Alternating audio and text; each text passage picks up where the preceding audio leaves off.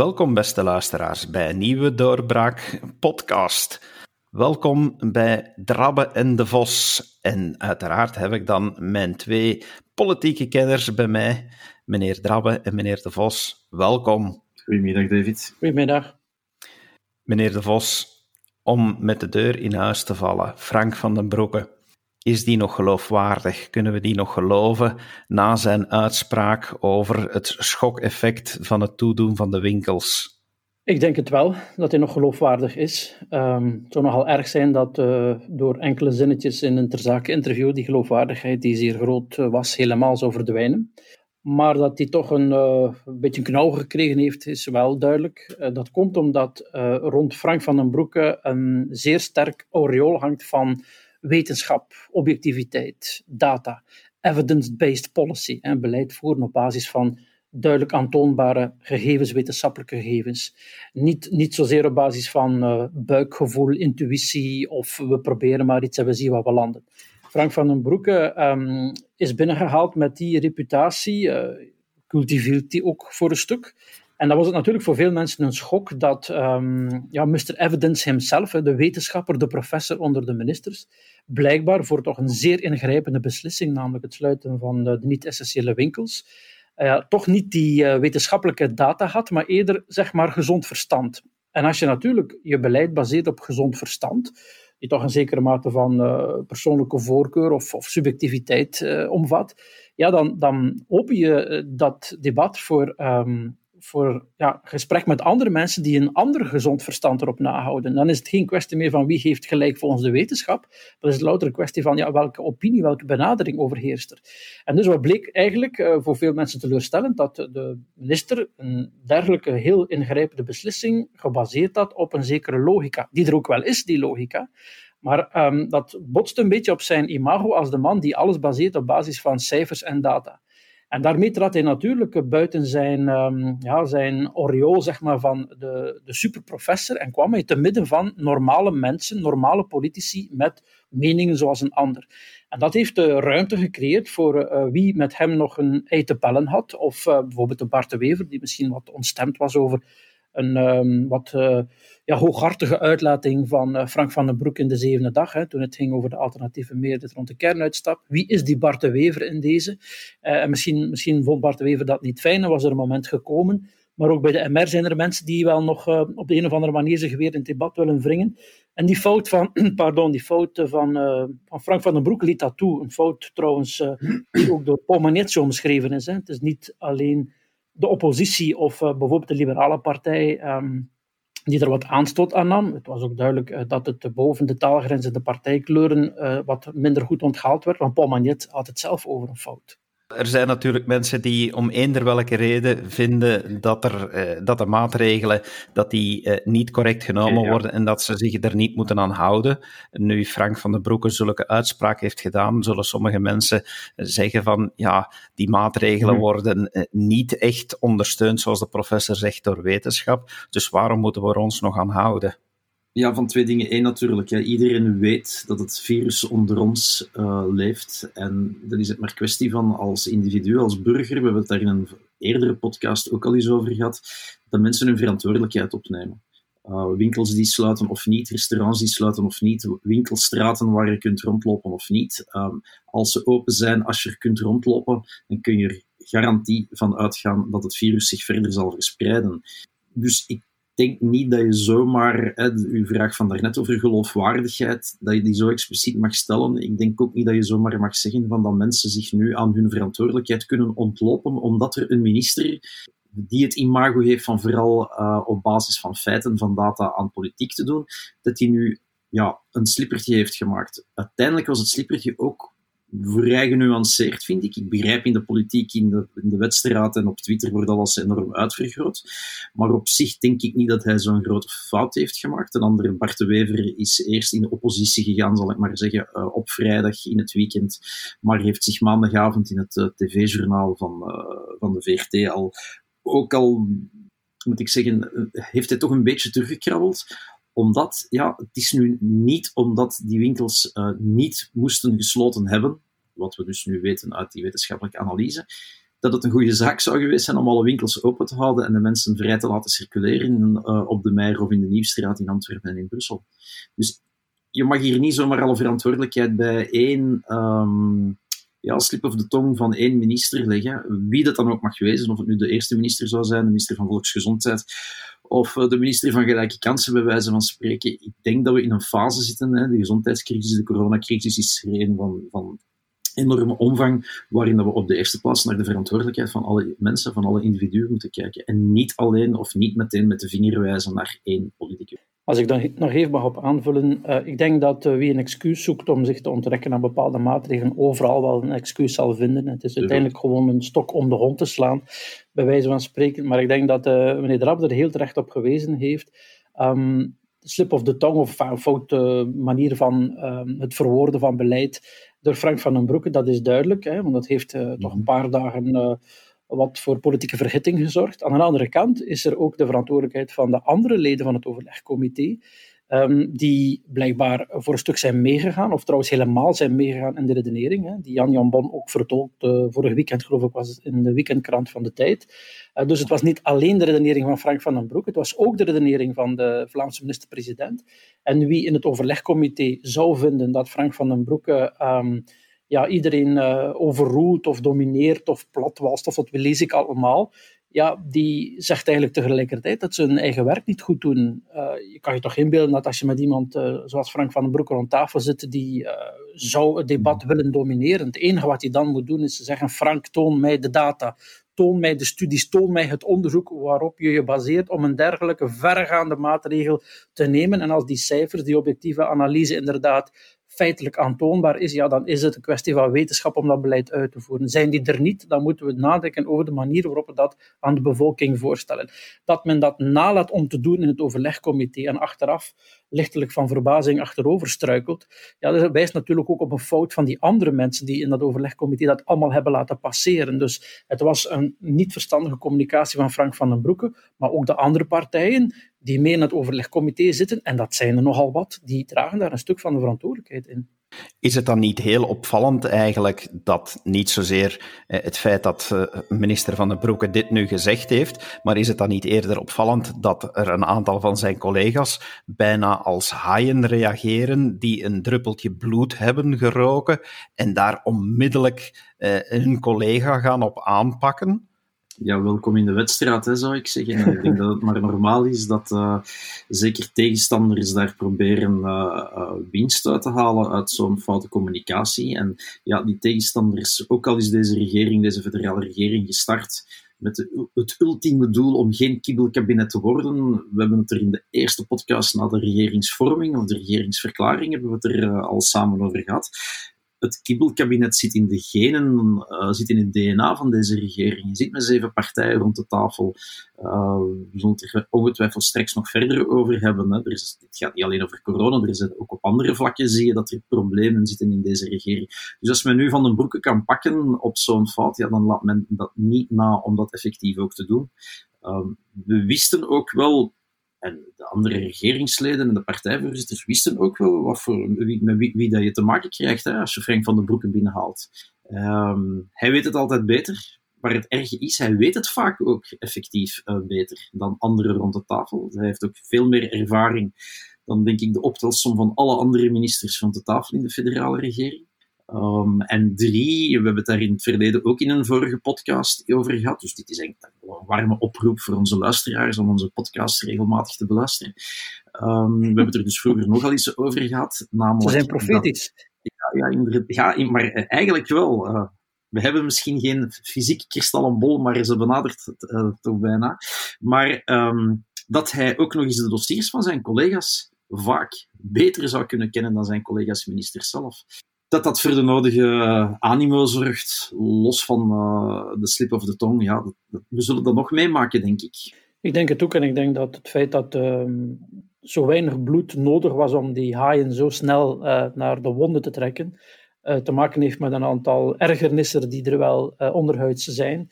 Um, we hebben het in het begin van de podcastreeks ook gehad over, ja, is dit een door Franstalen gedomineerde regering? Wel, op het vlak van de sanitaire strijd tegen corona komen twee of drie uh, politici in beeld. Dat zijn alle drie Vlamingen, de premier, de minister van Volksgezondheid, de minister van Binnenlandse Zaken. De coronacommissaris uh, wat minder, van, die had ook wat meer in beeld moeten komen, of uh, dat was toch de bedoeling, dat ze, als het het geval zou zijn, zou dat ook een Vlaming zijn. Waardoor, los van het feit dat er meer Franstalige dan Nederlandstalige zetels deze regering steunen, er toch in deze fase van het regeerbeleid, zeker in de sanitaire strijd tegen corona, dat zal denk ik veranderen als de sociaal-economische dimensie van de crisis volop naar boven komt, dat het Vlamingen zijn die domineren. En dat valt wellicht bij een aantal Franstalige partijen wat minder goed. In het bijzonder die partij, de MR, die een hele lange periode de helft van de regeringszetels heeft geleverd en eigenlijk uh, helemaal het beeld verdwenen is. Hè. Ook uh, de vicepremier, oud-premier uh, Wilmes, als minister van Buitenlandse Zaken, komt er eigenlijk niet aan bod. Ook uh, minister van de MR komen niet aan bod. En dat is toch even wennen voor een, uh, ja, voor een regeringspartij die het ook in Franstalig België gewend was om gewoon het federale beleid te zijn. Dus daar zit een zekere frustratie die ook te maken heeft met um, ja, het feit dat er binnen die partij uh, wat, wat onrust is. Dat heeft te maken met de positie van meneer Boucher. Maar je voelt ook dat er daar in die partij nog een spanning zit met de minister Ducarme, ex-minister Ducarme, die nu buiten de regering staat en die toch ja, vanuit een zeker ongenoegen natuurlijk uh, ja, wat kritiek formuleert uh, ten aanzien van Clarinval. Dus die, die drie mensen, Ducarme, Clarinval, Boucher, je voelt, daar, daar, daar zit toch wel een, een zekere onstabiliteit en dat uit zich onder andere in, uh, in kritiek op de, op de boze buitenwereld dan, in dit geval Frank van den Broeke. Er is ook bij de PS een ingetogen, men durft daar niet ver in gaan, hè, maar goed, als, als Paul Magnette dat letterlijk zegt op de radio, dat is eigenlijk een fout uh, wat, uh, wat, uh, wat, Frank van den Broeke daar heeft gedaan. Ja, dan, verraadt dat toch ook een lichte ergernis bij de PS nu. Men, men, wil die kameraad niet aanvallen, maar het signaal is toch, Frank, allez, je, moet, je moet erop letten dat in de Franstalige publieke opinie wij kijken naar Parijs, wij kijken naar Frankrijk, wij kijken naar Macron. Dat gevoel van, laat het een beetje versoepelen rond kerstmis, hè, de Noëlisten, hè, laat het rond het kerstfeest wat soepelder gaan beste hardliner Frank van den Broeke, jij en eh, de premier zitten op die hardlinerslijn. Uh, Let toch een beetje meer op die Franstalige publieke opinie. Is eigenlijk tussen de lijnen ook de boodschap die vanuit de PS vertrekt. Dan heb je ook bij CD&V, men heeft dat nu niet gedaan, maar ook bij CD&V hoor ik achter de schermen toch een... Um, ja, zeker ongenoegen over die hardlinerslijn van Frank van den Broek en de premier, die, die vandaag nog bevestigd heeft, de premier, jongens, uh, voor het einde van het jaar is er van versoepeling rond bijvoorbeeld het kerstfeest geen sprake. We hebben dat nog maar net beslist. De volgende, het volgende overlegcomité als het me niet fris, op 15 januari. En tussen die twee uh, overlegcomité's door gaan wij niet, zoals Frankrijk zal doen, en vele ons omringende Europese landen, gaan wij niet over tot versoepelingen rond de familiefeesten. Ja, en die, en die druk die in de samenleving bestaat, uh, ja, die vindt natuurlijk ook zijn weg in de politiek. En dan komt dat naar boven. Hè. Dat is een soort van uitbarsting die dan naar boven komt rond het stilaan symbolische uitspraak van Frank van den Broek. Het was eigenlijk om een schokeffect uh, te genereren. Dus die, al die, die ergernis en die kritiek, dan, dan, dan vindt dat een weg. En dan komt dat eigenlijk in één klap naar boven. Zeker omdat je weet dat een aantal uh, partijen weten dat rond dat uh, winkelen en dat ondernemers, zeg maar, de vocalijn toch bijzonder ontgoocheld is en, en, en ja, een beetje gefrustreerd is over het feit dat die, ja, dat die harde lijn uh, gehandhaafd blijft. En, en een aantal partijen, zeker bij de MR, zien daar waarschijnlijk een manier in om hun positie ook uh, ja, in die kringen te verstevigen. Meneer Drabbe, u zei het daarnet al, en geheel terecht uiteraard, dat onze luisteraars zeker ook naar onze vorige podcasts moeten luisteren. Uh, daar hebben we het al gehad over het feit van dat de NVA natuurlijk in een spreidstand zit tussen enerzijds beleidspartij op Vlaams niveau en oppositiepartij op federaal niveau. Wat de professor daarnet al vernoemde, die kritiek van Bart de Wever op minister Van den Broeke. Is dat het zoveelste voorbeeld nog altijd van dat ze hun weg niet vinden in, of, of niet weten om te gaan met die spreidstand? Nee, dat denk ik niet, want ik denk dat op de eerste plaats de NVA de voorbije weken toch heeft getoond dat ze verstandig genoeg is om niet in de oppositie te gaan over het, corona, of over het onderwerp corona, over de gezondheidscrisis.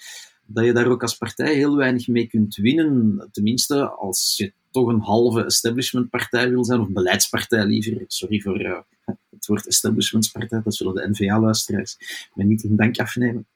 Maar de partij die is, uh, wel wil deelnemen aan het beleid, maar geen systeempartij wil zijn, die is voor verstandig genoeg om niet op corona oppositie te voeren. En ik denk dat dat een wijze beslissing is.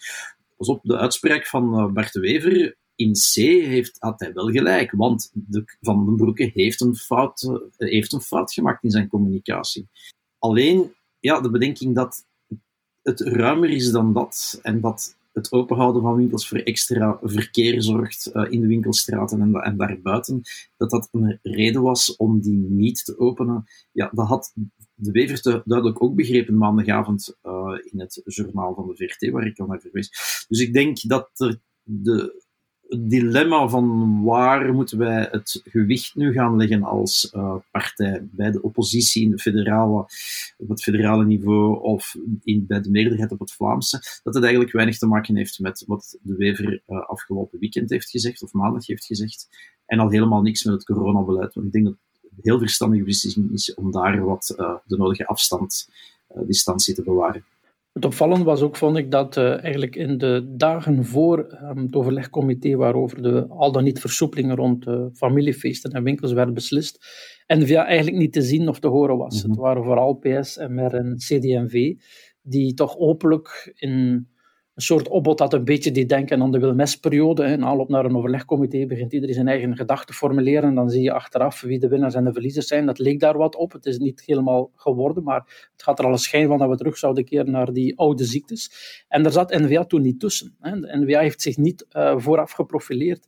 Dat was een beetje opvallend dat... Um, en ik zou ook niet echt het woord profilering dan in deze mond willen nemen, maar dat die communicatie van de Wever in eerste instantie na de beslissing kwam, wetende dat uh, de beslissing in het overlegcomité was genomen waar zijn eigen minister-president ook uh, mee ingestemd had.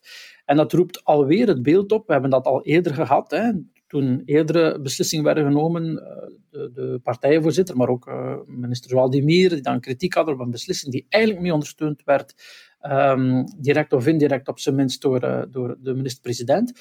En dat leek even weer zo te zijn, maar ik, Drab heeft gelijk, je voelde ook tegelijkertijd dat men heel snel besefte bij NVA, oei, wie gaan we hier het meest mee treffen? Zal dat vooral Frank van den Broeke zijn, of dreigt dat niet als een soort boemerang in onze richting ja. terug te keren, waarbij uh, opnieuw zal gewezen worden op de gespletenheid binnen NVA. Je hebt aan de ene kant de regeringsleider, Jan Jan Bon, en aan de andere kant de partijleider. En Jan Jan Bon zegt terecht verschillende keren elk zijn rol. De regeringsleider houdt de coalitie samen en verdedigt in principe het regeringsstandpunt. De partijleider die moet zijn eigen partij op de kaart zetten en moet vooral die partijboodschap brengen. Dat is in theorie zeer correct, maar voor heel veel uh, gewone mensen, heel veel lezers, kijkers, ja, die, die maken die simpele tweedeling niet. En dat zijn twee NVA'ers. En als die twee NVA'ers de indruk geven iets anders te willen of te denken, dan zal dat voor veel kiezers gewoon overkomen, niet als een duidelijke roldifferentiatie, maar net het omgekeerde, als een onduidelijkheid over wat er binnen die partij leeft. Vandaar dat, uh, wat meneer Drab ook zegt, corona voor N-VA een zeer lastig debat is om, om zich op te profileren en ik denk dat ze daar beter ook van wegblijven. Ja. Ik heb daar niks aan toe te voegen. Dit moment moeten we. We hebben het over communicatie. Ja. Inderdaad, gaan we zeker koesteren. Maar als we het dan toch hebben over communicatie, het grootste communicatievoorbeeld dat we, dat we gezien hebben van een regering in ons land eh, in, in de afgelopen dagen, dat is de 11 miljoen één ploeg campagne van de federale regering. Die campagne die heeft uh, had de bedoeling om, om een samenhorigheidsgevoel op te wekken maar ik heb toch de indruk dat dat doel niet bereikt wordt. Ik weet niet wat jullie daarvan vinden. Ja, ik zie in ieder geval dat de schrijvende pers, de schrijvende kwaliteitspers, dan toch al heel sceptisch op de campagne uh, heeft gereageerd. Uh, de standaard noemden ze zelfs grotesk. Uh, Bart Eekhout in de morgen die had het erover van ja, hoe wil je nu één team van 11 miljoen Belgen creëren via zo'n campagne als je als overheid de voorbije, het voorbije jaar, want het gaat uiteindelijk nog altijd over corona, als je als overheid uh, gefaald hebt, de, de tracing, de, er is een tweede lockdown gekomen, de, tweede golf was voorspeld, maar ja, dat die zo groot is geworden, daar liggen fouten uh, bij de regering, bij de federale regering, bij de federale overheid ook. Dus het komt ook een beetje hypocriet over. Omgekeerd, ja, krijg je de posters, zal ik het maar noemen, hè, de grote pagina's in de kranten met de oproep, de boodschap naar de lezers, naar de bevolking van hang dat aan je raam. Wel, ik ben gisteren naar de tandarts gewandeld. Het was gisteren mooi weer, dat is een half uur wandelen, heen en terug. Ik heb nergens aan geen enkel raam zo'n affiche zien hangen. Dus ik denk dat het een slag in het water is. Twee andere bedenkingen ook. Ehm, toen de Vlaamse regering, toen de startnota van eh, Bart Wever bekendgemaakt wordt en vervolgens het regeerakkoord, dan werd er langs alle kanten geschoten op dat akkoord, omdat er veel te veel plannen tot nationbuilding in stonden. De kanon, om er maar één te noemen, meer aandacht voor Nederlandse lied op de VRT, enzovoort, enzovoort. Wel, de federale regering doet nu eigenlijk net hetzelfde, maar gewoon op een andere manier. En misschien zelfs met veel meer middelen, want als dit een campagne is waar dat we moeten, waaruit moet blijken dat alle Belgen aan hetzelfde touw trekken, alle 11 miljoen. Ja, ik heb de indruk dat alvast de grote krantengroepen, de grote mediagroepen niet meetrekken aan die touwtjes. Want, maar ik kan verkeerd zijn, misschien weet Karel de Vos daar meer over. Ik heb er ook niet, uh, geen navraag naar gedaan, maar ik kan mij niet indenken dat die pagina's in de kranten dat die gratis ter beschikking werden gesteld door de, de mediamagnaten van ons land, maar dat daar voor heel veel belastinggeld uh, ruimte is gekocht in de kranten en op de commerciële zenders om deze boodschap uit te dragen. Ja, waar ben je dan nog met dat ene team als die solidariteit niet aan de dag kan gelegd worden? Of de kranten dat uh, gefactureerd hebben of niet, weet ik niet. Maar ik kan mij moeilijk inbeelden dat ze dat niet gedaan hebben. Als ze dat nu niet zouden doen, zouden ze dat ook voor andere overheden die op dat idee komen dan ook niet moeten doen. Dat lijkt mij nog een zwaar financieel verlies voor die bedrijven die toch niet altijd in de meest beste papieren zitten. Um, maar ik deel de analyse van Karel Drabbe helemaal. Het um, kwam eigenlijk vooral heel... Enfin, het kwam veel mensen wat... Um, amateuristisch over in de zin, pagina was misschien goed gemaakt, maar dan plotseling zo duidelijk, meteen na, die, um, na het overlegcomité, te midden de crisis, de link leggen naar de, de, de natiebuilding rond België enerzijds en die coronacrisis anderzijds, ja, dat, dat komt voor veel mensen als een soort van ja, ik ga niet zeggen misbruik, want anders, anders zullen zien een handig gebruik, maar in elk geval een gebruik of misbruik van, van de coronasituatie. En heel veel psychologen en sociaal psychologen onderlijnen uh, meermaals het belang van ja, dat groepsproces, van die solidariteit, van die onderlinge verbindenis. Um, dat is correct, maar op deze manier dat uitspelen en uitwerken lijkt mij uh, vanuit, ook vanuit communicatiestandpunt niet de slimste zaak. Uh, ten tweede is er um, een, ja, een belangrijk feit, Drab heeft ernaar verwezen, namelijk de federale overheid erkent uh, op die manier zeer expliciet het belang van natievormende, identiteitsvormende processen. Um, en als men daar dus vanuit de federale regering of vanuit de partijen die dit gesteund hebben in de toekomst uh, al of niet denigrerend over soortgelijke Vlaamse initiatieven doet, ja, dan heb je met deze campagne toch wel het bewijs dat ook op andere niveaus men uh, in die richting denkt. Uh, ik heb zelf geen van die krantenaffiches zien verschijnen in het straatbeeld. Uh, de laatste dagen nogal vaak moeten rondrijden en dus vele huizen gezien. en ik heb er geen gezien, dus ik weet ook niet of het echt gewerkt heeft. Ik denk eerlijk gezegd dat het niet gewerkt heeft. Maar het kwam mij vooral over als een wat te gemakkelijke... Um, ja, noem het misschien recuperatie of gebruik van uh, de coronacrisis om dat te bewerkstelligen. Nogmaals, ik kan zeer goed begrijpen dat je om die coronastrijd te voeren, die identiteitsvorming, die gemeenschapsvorming nodig hebt. Dat je dat, dat, je dat aanwakkert, dat je de mensen um, deel laat zijn van een groep waar, waarbinnen een zekere solidariteit nodig is om er samen uit te komen. Ik, ik vind dat die, die gedachte, zeggen ook de specialisten, is zeer nuttig. Maar ze op die manier vertalen lijkt mij uh, zeer onhandig. En het strookt ook helemaal niet met, uh, ja, met het beleid op het federaal niveau en de boodschappen die je van daaruit krijgt. Ik denk dat als je die, uh, als je die um, vertrouwenswekkende signalen wil uitsturen, dat je veel beter moet doen wat vandaag bijvoorbeeld blijkt. Dat is klaarheid schetsen over de vaccinatiestrategie. Wij, wij, waren daar relatief mhm. laat mee.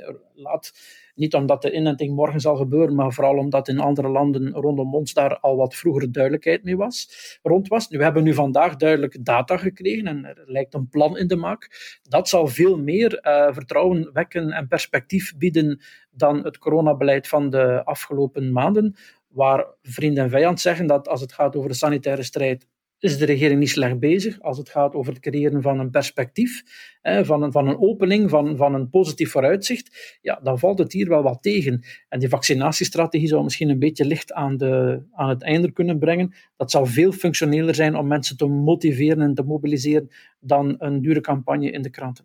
Dat klopt wel degelijk, denk ik, want er is een specialist, zal ik hem nu maar noemen, die uh, toch wel heel kerachtig de volgende tweet heeft geschreven over die campagne. En uh, ik citeer even: Je moet toch redelijk radeloos zijn over je eigen welvaartsvernietigend concept en oude structuren als je corona moet gebruiken om er promotie voor te maken. dat lijkt toch wel de beste oppositiezin van de afgelopen weken te zijn. En dan komt heel verbazingwekkend, maar ik ga het langs quizvraag aan jullie laten. Wie heeft dit getweet? Bogaert, hè? Hendrik Bogaert. Ja, dat is niet spannend, David. Ja. dat is niet moeilijk. Is er mee op de radio geweest ook om... Stel een vraag over voetbal, als je ons wil uitdagen. Ja, ja, ja. op. Ja, Bogaert is natuurlijk eh, de geïncarneerde oppositie binnen de beleidspartij die de CD&V is. Uh, als hij al niet uh, aan de boom schudt, wie zal dat dan nog wel doen? Um, anderzijds was het ook wel heel flauw dat hij na die tweet heel snel heeft gezegd: Ja, maar ik wil daar, ik wil, ik wil daar verder geen uh, commentaar over geven. Zo van: Ik heb gezegd wat ik moest zeggen, maar ik wil vooral mijn partij dan niet verder in een verkeerd daglicht brengen, denk ik. Was de achterliggende uh, idee om daar niet verder op in te gaan.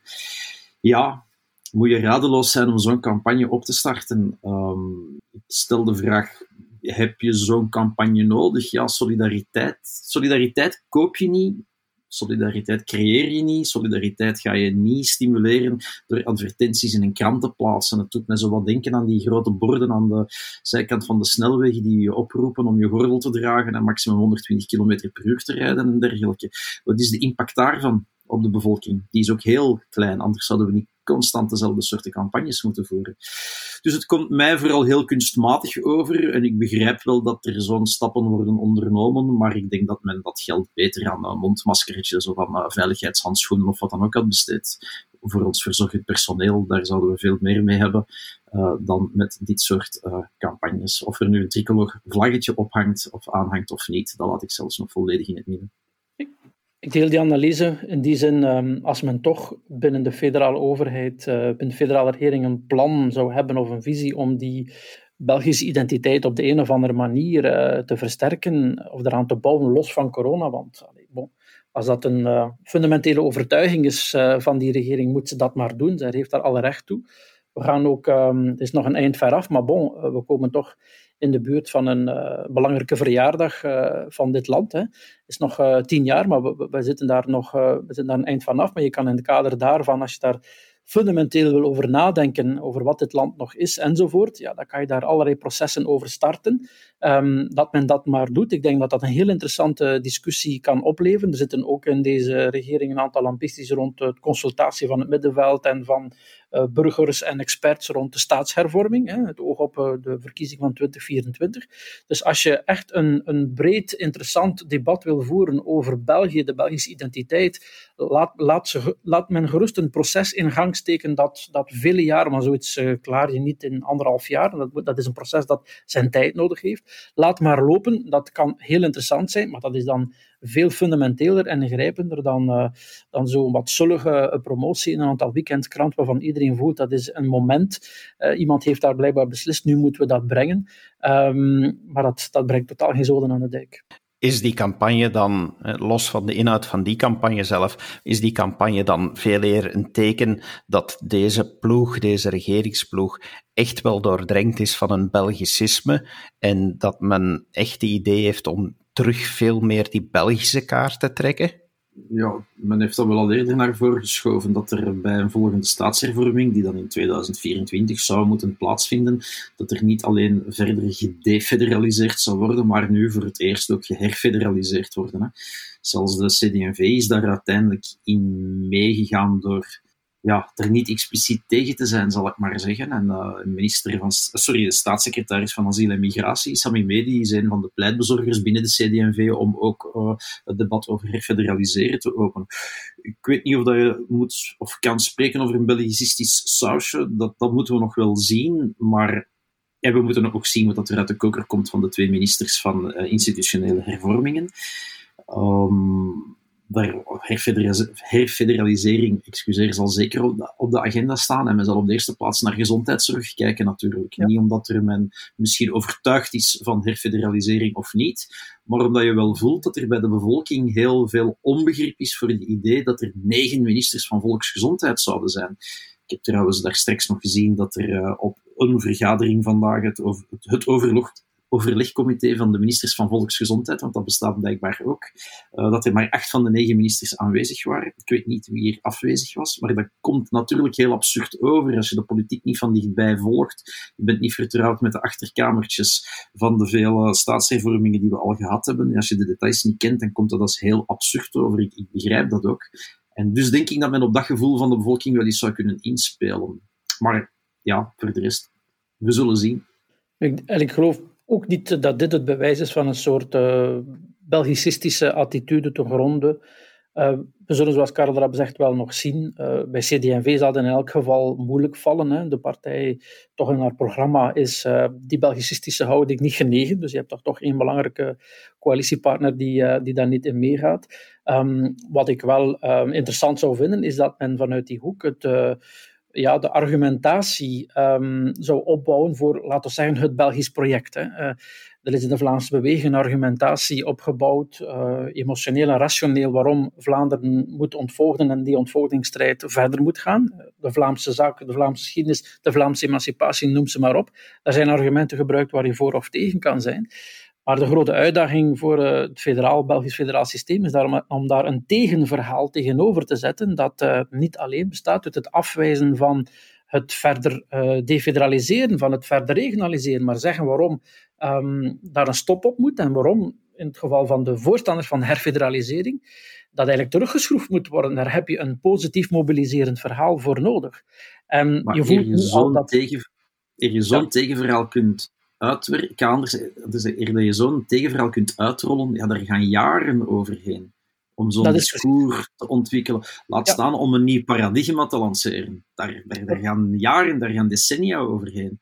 Dat is precies wat ik daarnet bedoelde met die lange termijn uh, politiek. Als je zegt in een uh, krantenadvertentie, uh, voilà, we zijn een land van 11 miljoen, onderling verbonden, solidair. Ik wil het straks nog wel eens zien trouwens, als de 5,15 miljard Europese steun verdeeld zal worden over de verschillende overheden van het land, hoe groot het team dan zal zijn. Maar ja. wat, als, je, als je dat lanceert, um, vind ik heel interessant ook als analisten, wat gebeurt daarmee? Maar dat, dat kan je toch je kan toch bezwaarlijk beperken tot zo één weekend met krantenaffiches. Als je dat proces in gang steekt. Stel nu voor dat, uh, uh, dat normale burgers dit lezen en denken, ah tja, kijk, uh, kijk eens, dat gebeurt zeer uitzonderlijk. De Belgische overheid pakt nationwide uit, bij wijze van spreken, met een campagne om ons allemaal samen met elkaar te verbinden. En vervolgens gebeurt daar verder niets meer mee kan toch niet? Ik bedoel, daar moet toch een zekere visie achter zitten. Of wat heeft men daar mee voor ogen gehad? Of had dat enkel te maken met de strijd tegen corona? Is er iemand in de federale regering dus van overtuigd dat die honderdduizenden euro's die gespendeerd zijn aan die dubbele krantenpagina's in dat ene weekend geconcentreerd echt helpen om het coronabeleid te gronden te verbeteren?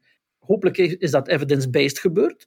Dus het is ofwel het een of het ander. Ofwel denkt men, ah, dat is hier echt heel goed geschikt om het coronabeleid te ondersteunen. En dan ben ik geïnteresseerd in de cijfers die de eenmalige advertentie op die manier ondersteunen. Ofwel ziet men daar een groter politiek proces achter. En dat is perfect legitiem. Maar dan kan dat uiteraard niet beperkt blijven tot één weekend affiches. Dan moet het vervolgproces komen. En zoals meneer Drabbe zegt, dan zijn we voor jaren vertrokken. Prima, we zijn net op tijd, want in 2030 is er 200 jaar België. En dan kan er aanleiding van die 200ste verjaardag daar ook nog eens over gediscussieerd worden. Of misschien is er tegen dan een Belgisch natiegevoel, en dat zal dan ook voor het eerst zijn in 200 jaar. Nu, uh, maakt het het verschil tussen, um, of het onderscheid tussen, ofwel is het een campagne om op het moment van corona te tonen van ja, allemaal eensgezind, handen aan de ploeg, aan hetzelfde touw trekken enzovoort. Ofwel ja, een lange termijn strategie, een lange termijn campagne om België op de kaart te zetten, of een Belgisch natiegevoel op de kaart te zetten. Als het het eerste is, dan is het wel een heel ongelukkige campagne natuurlijk, want ik denk dat ongeveer 50% van de kiezers in Vlaanderen er zich al niet in, her, in, in, zal herkennen. En dan is het al een volledig gemiste uh, campagne, uh, tenminste toch in het noordelijke deel van het land. En dan komen we weer bij de, ja, de essentie van de kritiek die Vlaamse Belang en de N-VA van in het begin op deze regering hebben. Ja, het is een door Franstaligen gedomineerde regering, ook al komen de Croo en Van den Broek en Verlinde nu meer, meer aan bod door de omstandigheden van de coronacrisis. Maar dat het een regering is met ja, net een minderheid uh, aan Vlaamse kant. Wat mij ook eh, aan het denken heeft gezet, is het tweede deel van de zin. 11 miljoen, één ploeg. Ik bedenk dan, ja, een ploeg die moet zeggen, wij zijn één ploeg. Is dat dan één ploeg? Want hoe harder je het moet benadrukken door het te zeggen, is misschien in tegenstelling tot de werkelijkheid dat je één ploeg bent. En als we dan nu naar deze regering kijken, nu de witte broodsweken voorbij zijn, is die eensgezindheid er nog? Is dat nog wel één ploeg die er staat? Want dat lijkt toch wel af te brokkelen als je naar de recente communicatie kijkt. Uh, ik denk dan bijvoorbeeld aan ja, een, typisch een aantal groene uh, punten die naar boven zijn gekomen. Kerncentrale sluiten. Nee, we moeten het nog evalueren. Koolstoftax. Ja, nee, dat moet nog bekeken worden. Hoe zit het volgens jullie met dat één ploeggevoel binnen de regering? Wel, ik denk dat um, dat voorlopig nog uh, groot is, um, relatief gezien. Um, daarmee bedoel ik, uh, stel je voor dat de coronacrisis er niet zou geweest zijn, dan zou dat uh, één ploeggevoel waarschijnlijk nu al flink verzwakt zijn. de politiek in het algemeen en ook het politieke debat in het bijzonder zit nog altijd onder een zekere coronastolp. Dat is nog altijd een soort van artificiële ja, beklemming. Um, corona slorpt uh, alle tijd in energie op. Uh, er komen eigenlijk weinig andere grote discussiepunten naar boven. Uh, omdat die strijd een strijd om het leven en dood is. Dus die, die, die, die, die overheerst eigenlijk alles. En in het kader van die strijd is eensgezindheid zeer belangrijk, want je wil ook niet um, te kritisch zijn of de beleidslijnen afvallen, want dan krijg je zelfs opmerkingen zoals je hebt doden op je geweten. Het overkomt ook mij als ik uh, gewoon mijn werk verder blijf doen en je schrijft uh, kritische analyses over het regeringswerk, dat sommige lezers boos zijn en mailen, ja professor, dat is nu niet het moment om, om kritisch en ambetant te doen. Zij zorgen tenminste voor het overleven. En als, jij daar, um, als je die strijd hindert, dan heb je eigenlijk uh, doden op je geweten, schaam u. Dus ik kan me inbeelden dat dat voor politici ook het geval is, bij hen nog veel harder aankomt. Dus mochten we normale tijden beleven, dan denk ik dat veel van die um, discussiepunten die we de voorbije week, weken hebben gezien, dat die nog meer aan bod zouden komen. Zeker omdat uh, bekend is, dat hebben ze zelf toegegeven, dat uh, ondanks het feit dat de formatie bijzonder lang geduurd heeft, het echte regeringsvormingswerk vrij snel verlopen is en in het regeerakkoord een aantal punten staan die onafgewerkt zijn. En dus in de loop van de legislatuur, en dat zal op plein publiek gebeuren, ook nog verder besproken moeten worden. Ik goed er mij wel voor om te vroeg het, al de inflatoire term kibbelkabinet opnieuw in te roepen. en er is een zekere druk nu om dat te doen, om dat nu al te zeggen. Hè. Ik krijg vanuit een aantal kanten de vraag van wanneer ga je nu eindelijk concluderen, alsof iemand daarom haalt wat ik daarover zeg, wanneer ga je nu eindelijk concluderen dat het een kibbelkabinet is. Uh, ik denk dat de potentie aanwezig is. Het staat ook, wat meneer Drabbe daarnet zei, eigenlijk in de sterren geschreven dat dat ervan komt. Um, maar het is niet omdat er al uh, wat fricties zijn, uh, dat je daarom ook die misschien wat zware term opnieuw van stal moet halen. Een term die doet denken aan de regering Michel, waar toch en ik, ik, ik zeg niet dat het er uh, in deze ploeg niet van zal komen, dat is best mogelijk. Maar bij de regering Michel ging het toch over um, een, een hogere graad van, een intensere mate van. Herinner u Chris Peters die wegloopt van uh, de ministerraad of het kernkabinet daags voor de voorlezing van de federale beleidsverklaring, omdat men ruzie had over uh, de vermogenswinstbelasting enzovoort. Van Um, die ernst is er op dit moment nog geen sprake. Je ziet steekvlam, je ziet incidenten die naar boven komen, maar wat ook opvalt, die worden heel snel, heel snel teruggedrukt, uh, teruggeduwd. En, en er is geen, er is geen uh, opflakkering, er is geen uh, heidebrand. Nee, hier en daar een paar steekvlammen en die verdwijnen weer. Maar dat voorspelt volgens mij wel, en er zitten een aantal structurele mankementen in deze regering, dat in de loop van de komende jaren ja, dat gevaar zeer immanent is, hè, opgekibbeld ja, eens dat die coronacrisis beheerst zal zijn, dan gaan die kleine opflakkeringen, zouden wel eens grote, moet ik het zeggen, uitbarstingen worden binnen de regering. Want uiteindelijk hebben we toch nu de voorbije twee maanden, de regering is nu sinds gisteren twee maanden in, in het zadel, gezien dat alles wat niet met corona te maken heeft, wel iedere keer voor een opflakkering en voor discussie heeft gezorgd. Eh, David, je noemde daarnet al uh, een aantal zaken op, hè, zoals die koolstoftax en de, de kernenergiestop. Maar vorige week ging het dan over die tickets uh, voor uh, die, die, gratis treintickets die Groen of Ecolo wil uitdelen. Brusselse stadstol, oké, goed, dat is een gewestelijke materie, maar ook daar is dan weer oneenigheid, vermits Ecolo, de grote pleitbezorger daarvan in Brussel, ook deel uitmaakt van die federale regering effectentax, daar hebben we het ook over gehad. Daar was dan ook oneenigheid over. Dus ik denk toch dat alles wat niet rechtstreeks of onrechtstreeks aan corona en, en, coronabeleid uh, gelinkt is, toch altijd weer voor discussies zal zorgen. Kan ook moeilijk anders. Zeven partijen rond de tafel, uh, Noord-Zuid tegenover elkaar, liberalen tegenover ecolo, elkaars grootste concurrenten uh, in Franstalig België. Ook al hebben ze mee de lijm gevormd om deze regering te vormen, ja, hoe lang gaat die lijm blijven kleven? Oké, misschien zullen we het woord kibbelkabinet niet meer mogen gebruiken, omdat dat echt wel uh, eigen was aan de vorige federale regering. Maar dan vinden we wel een andere term. Ik denk wat dat betreft zal uh, 2021 volgend jaar, waar we heel dichtbij zitten, al um, heel veel duidelijkheid brengen. Ik zie op dit moment al drie, en er zullen er straks zeker meer zijn. Maar ik zie op dit moment al drie um, grotere dossiers waar je die, uh, ja, die explosiviteit of die stress die er in die regering zit, uh, al of niet zult zien. Dat is in eerste instantie de begroting. Het is duidelijk, de begroting is nu ingediend bij Europa, maar men zegt, ja, kijk, dit, dit, je kon niet anders verwachten dat de begroting die nu ingediend is, dat die onmogelijk rekening kan houden met die immer veranderende omstandigheden. Maar bij de eerstkomende begrotingscontrole in het voorjaar, dat is als ik het goed heb in maart, zullen we meer weten. Zal waarschijnlijk die uh, grootste sanitaire crisis wat achter de rug zijn, hopen we. Dus de vaccinatiestrategie vanaf uh, januari. En dan zullen we waarschijnlijk wat meer zicht hebben op de economische fallout van uh, wat er gebeurd is. En dan zullen we waarschijnlijk met wat meer stabiliteit um, nieuwe begrotingen, cijfers hebben, nieuwe budgettaire cijfers. En dan heeft de premier gezegd, in die eerste begrotingscontrole van 2021, waar men dus nagaat of de begroting echt wel in de feiten spoort met wat men het jaar voordien had voorzien, gaan we waarschijnlijk moeten ingrijpen gaan we waarschijnlijk maatregelen moeten nemen. Dat, dat is een eerste discussiepunt. Een tweede is al aangekondigd. Uh, in november volgend jaar, um, jaar uh, na vandaag, moet beslist worden of effectief die laatste twee van de zeven kerncentrales sluiten. En of met andere woorden uh, de energiebevoorrading, prijszekerheid en uh, CO2-uitstoot onder controle blijven met die alternatieve, vooral uh, gascentrales, alternatieve energiebronnen. Het conflict, de, stress tussen blauw en groen, bij wijze van spreken, in november, ja, dat gaan we ook voeren volgend jaar. Want ik heb ook onthouden dat de minister van Pensioenen, Lalieu, de PS-minister, uh, van plan is om ergens in 2021, waarschijnlijk ook in september, oktober, een eerste voorstel te doen rond de hervorming van de pensioenen.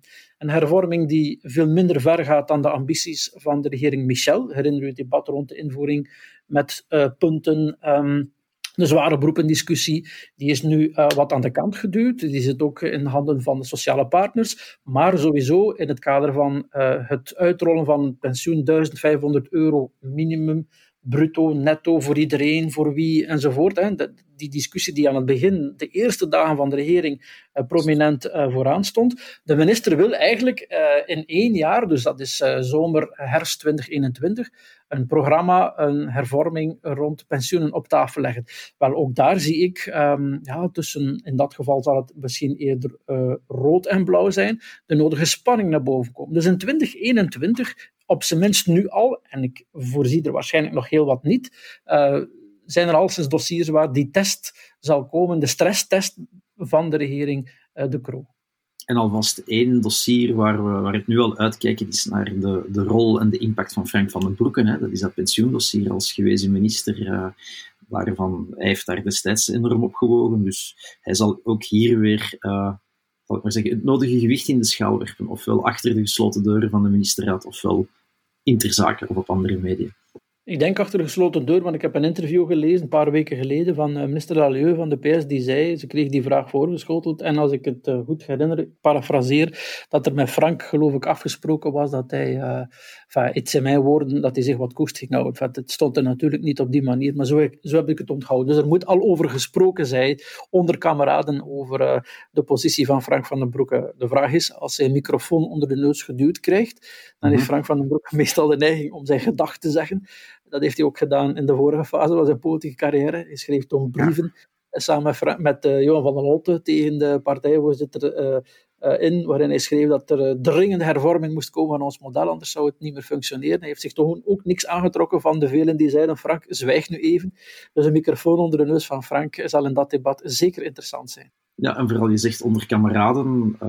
Conor Rousseau is volop bezig de SPA om te vormen tot een brede sociale beweging daar hebben ze Van den Broeke ook voor nodig natuurlijk. Hè. Dus hij zal zijn mond niet houden. Ik wil er gif op innemen.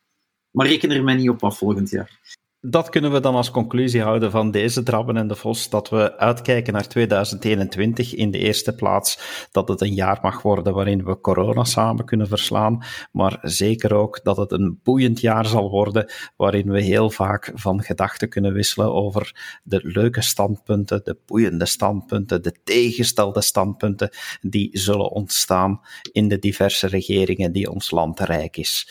Dankjewel, professor de Vos, meneer Drabbe, voor jullie inzet deze week. Graag gedaan. Graag gedaan. En u, beste luisteraar, dank u wel dat u aanwezig was en dat u geluisterd hebt naar deze podcast. Blijf zeker afstemmen. Er komen er nog aan. Ook Drabbe en de Vos komt binnen twee weken terug. Dus uh, blijf trouw op post. Tot de volgende keer. Dag. Dit was een episode van Doorbraak Radio, de podcast van doorbraak.be. Volg onze podcast op doorbraak.be/radio of via Apple Podcasts, Overcast of Spotify. Bezoek ook onze website op doorbraak.be en steun ons door een vriend te worden van Doorbraak.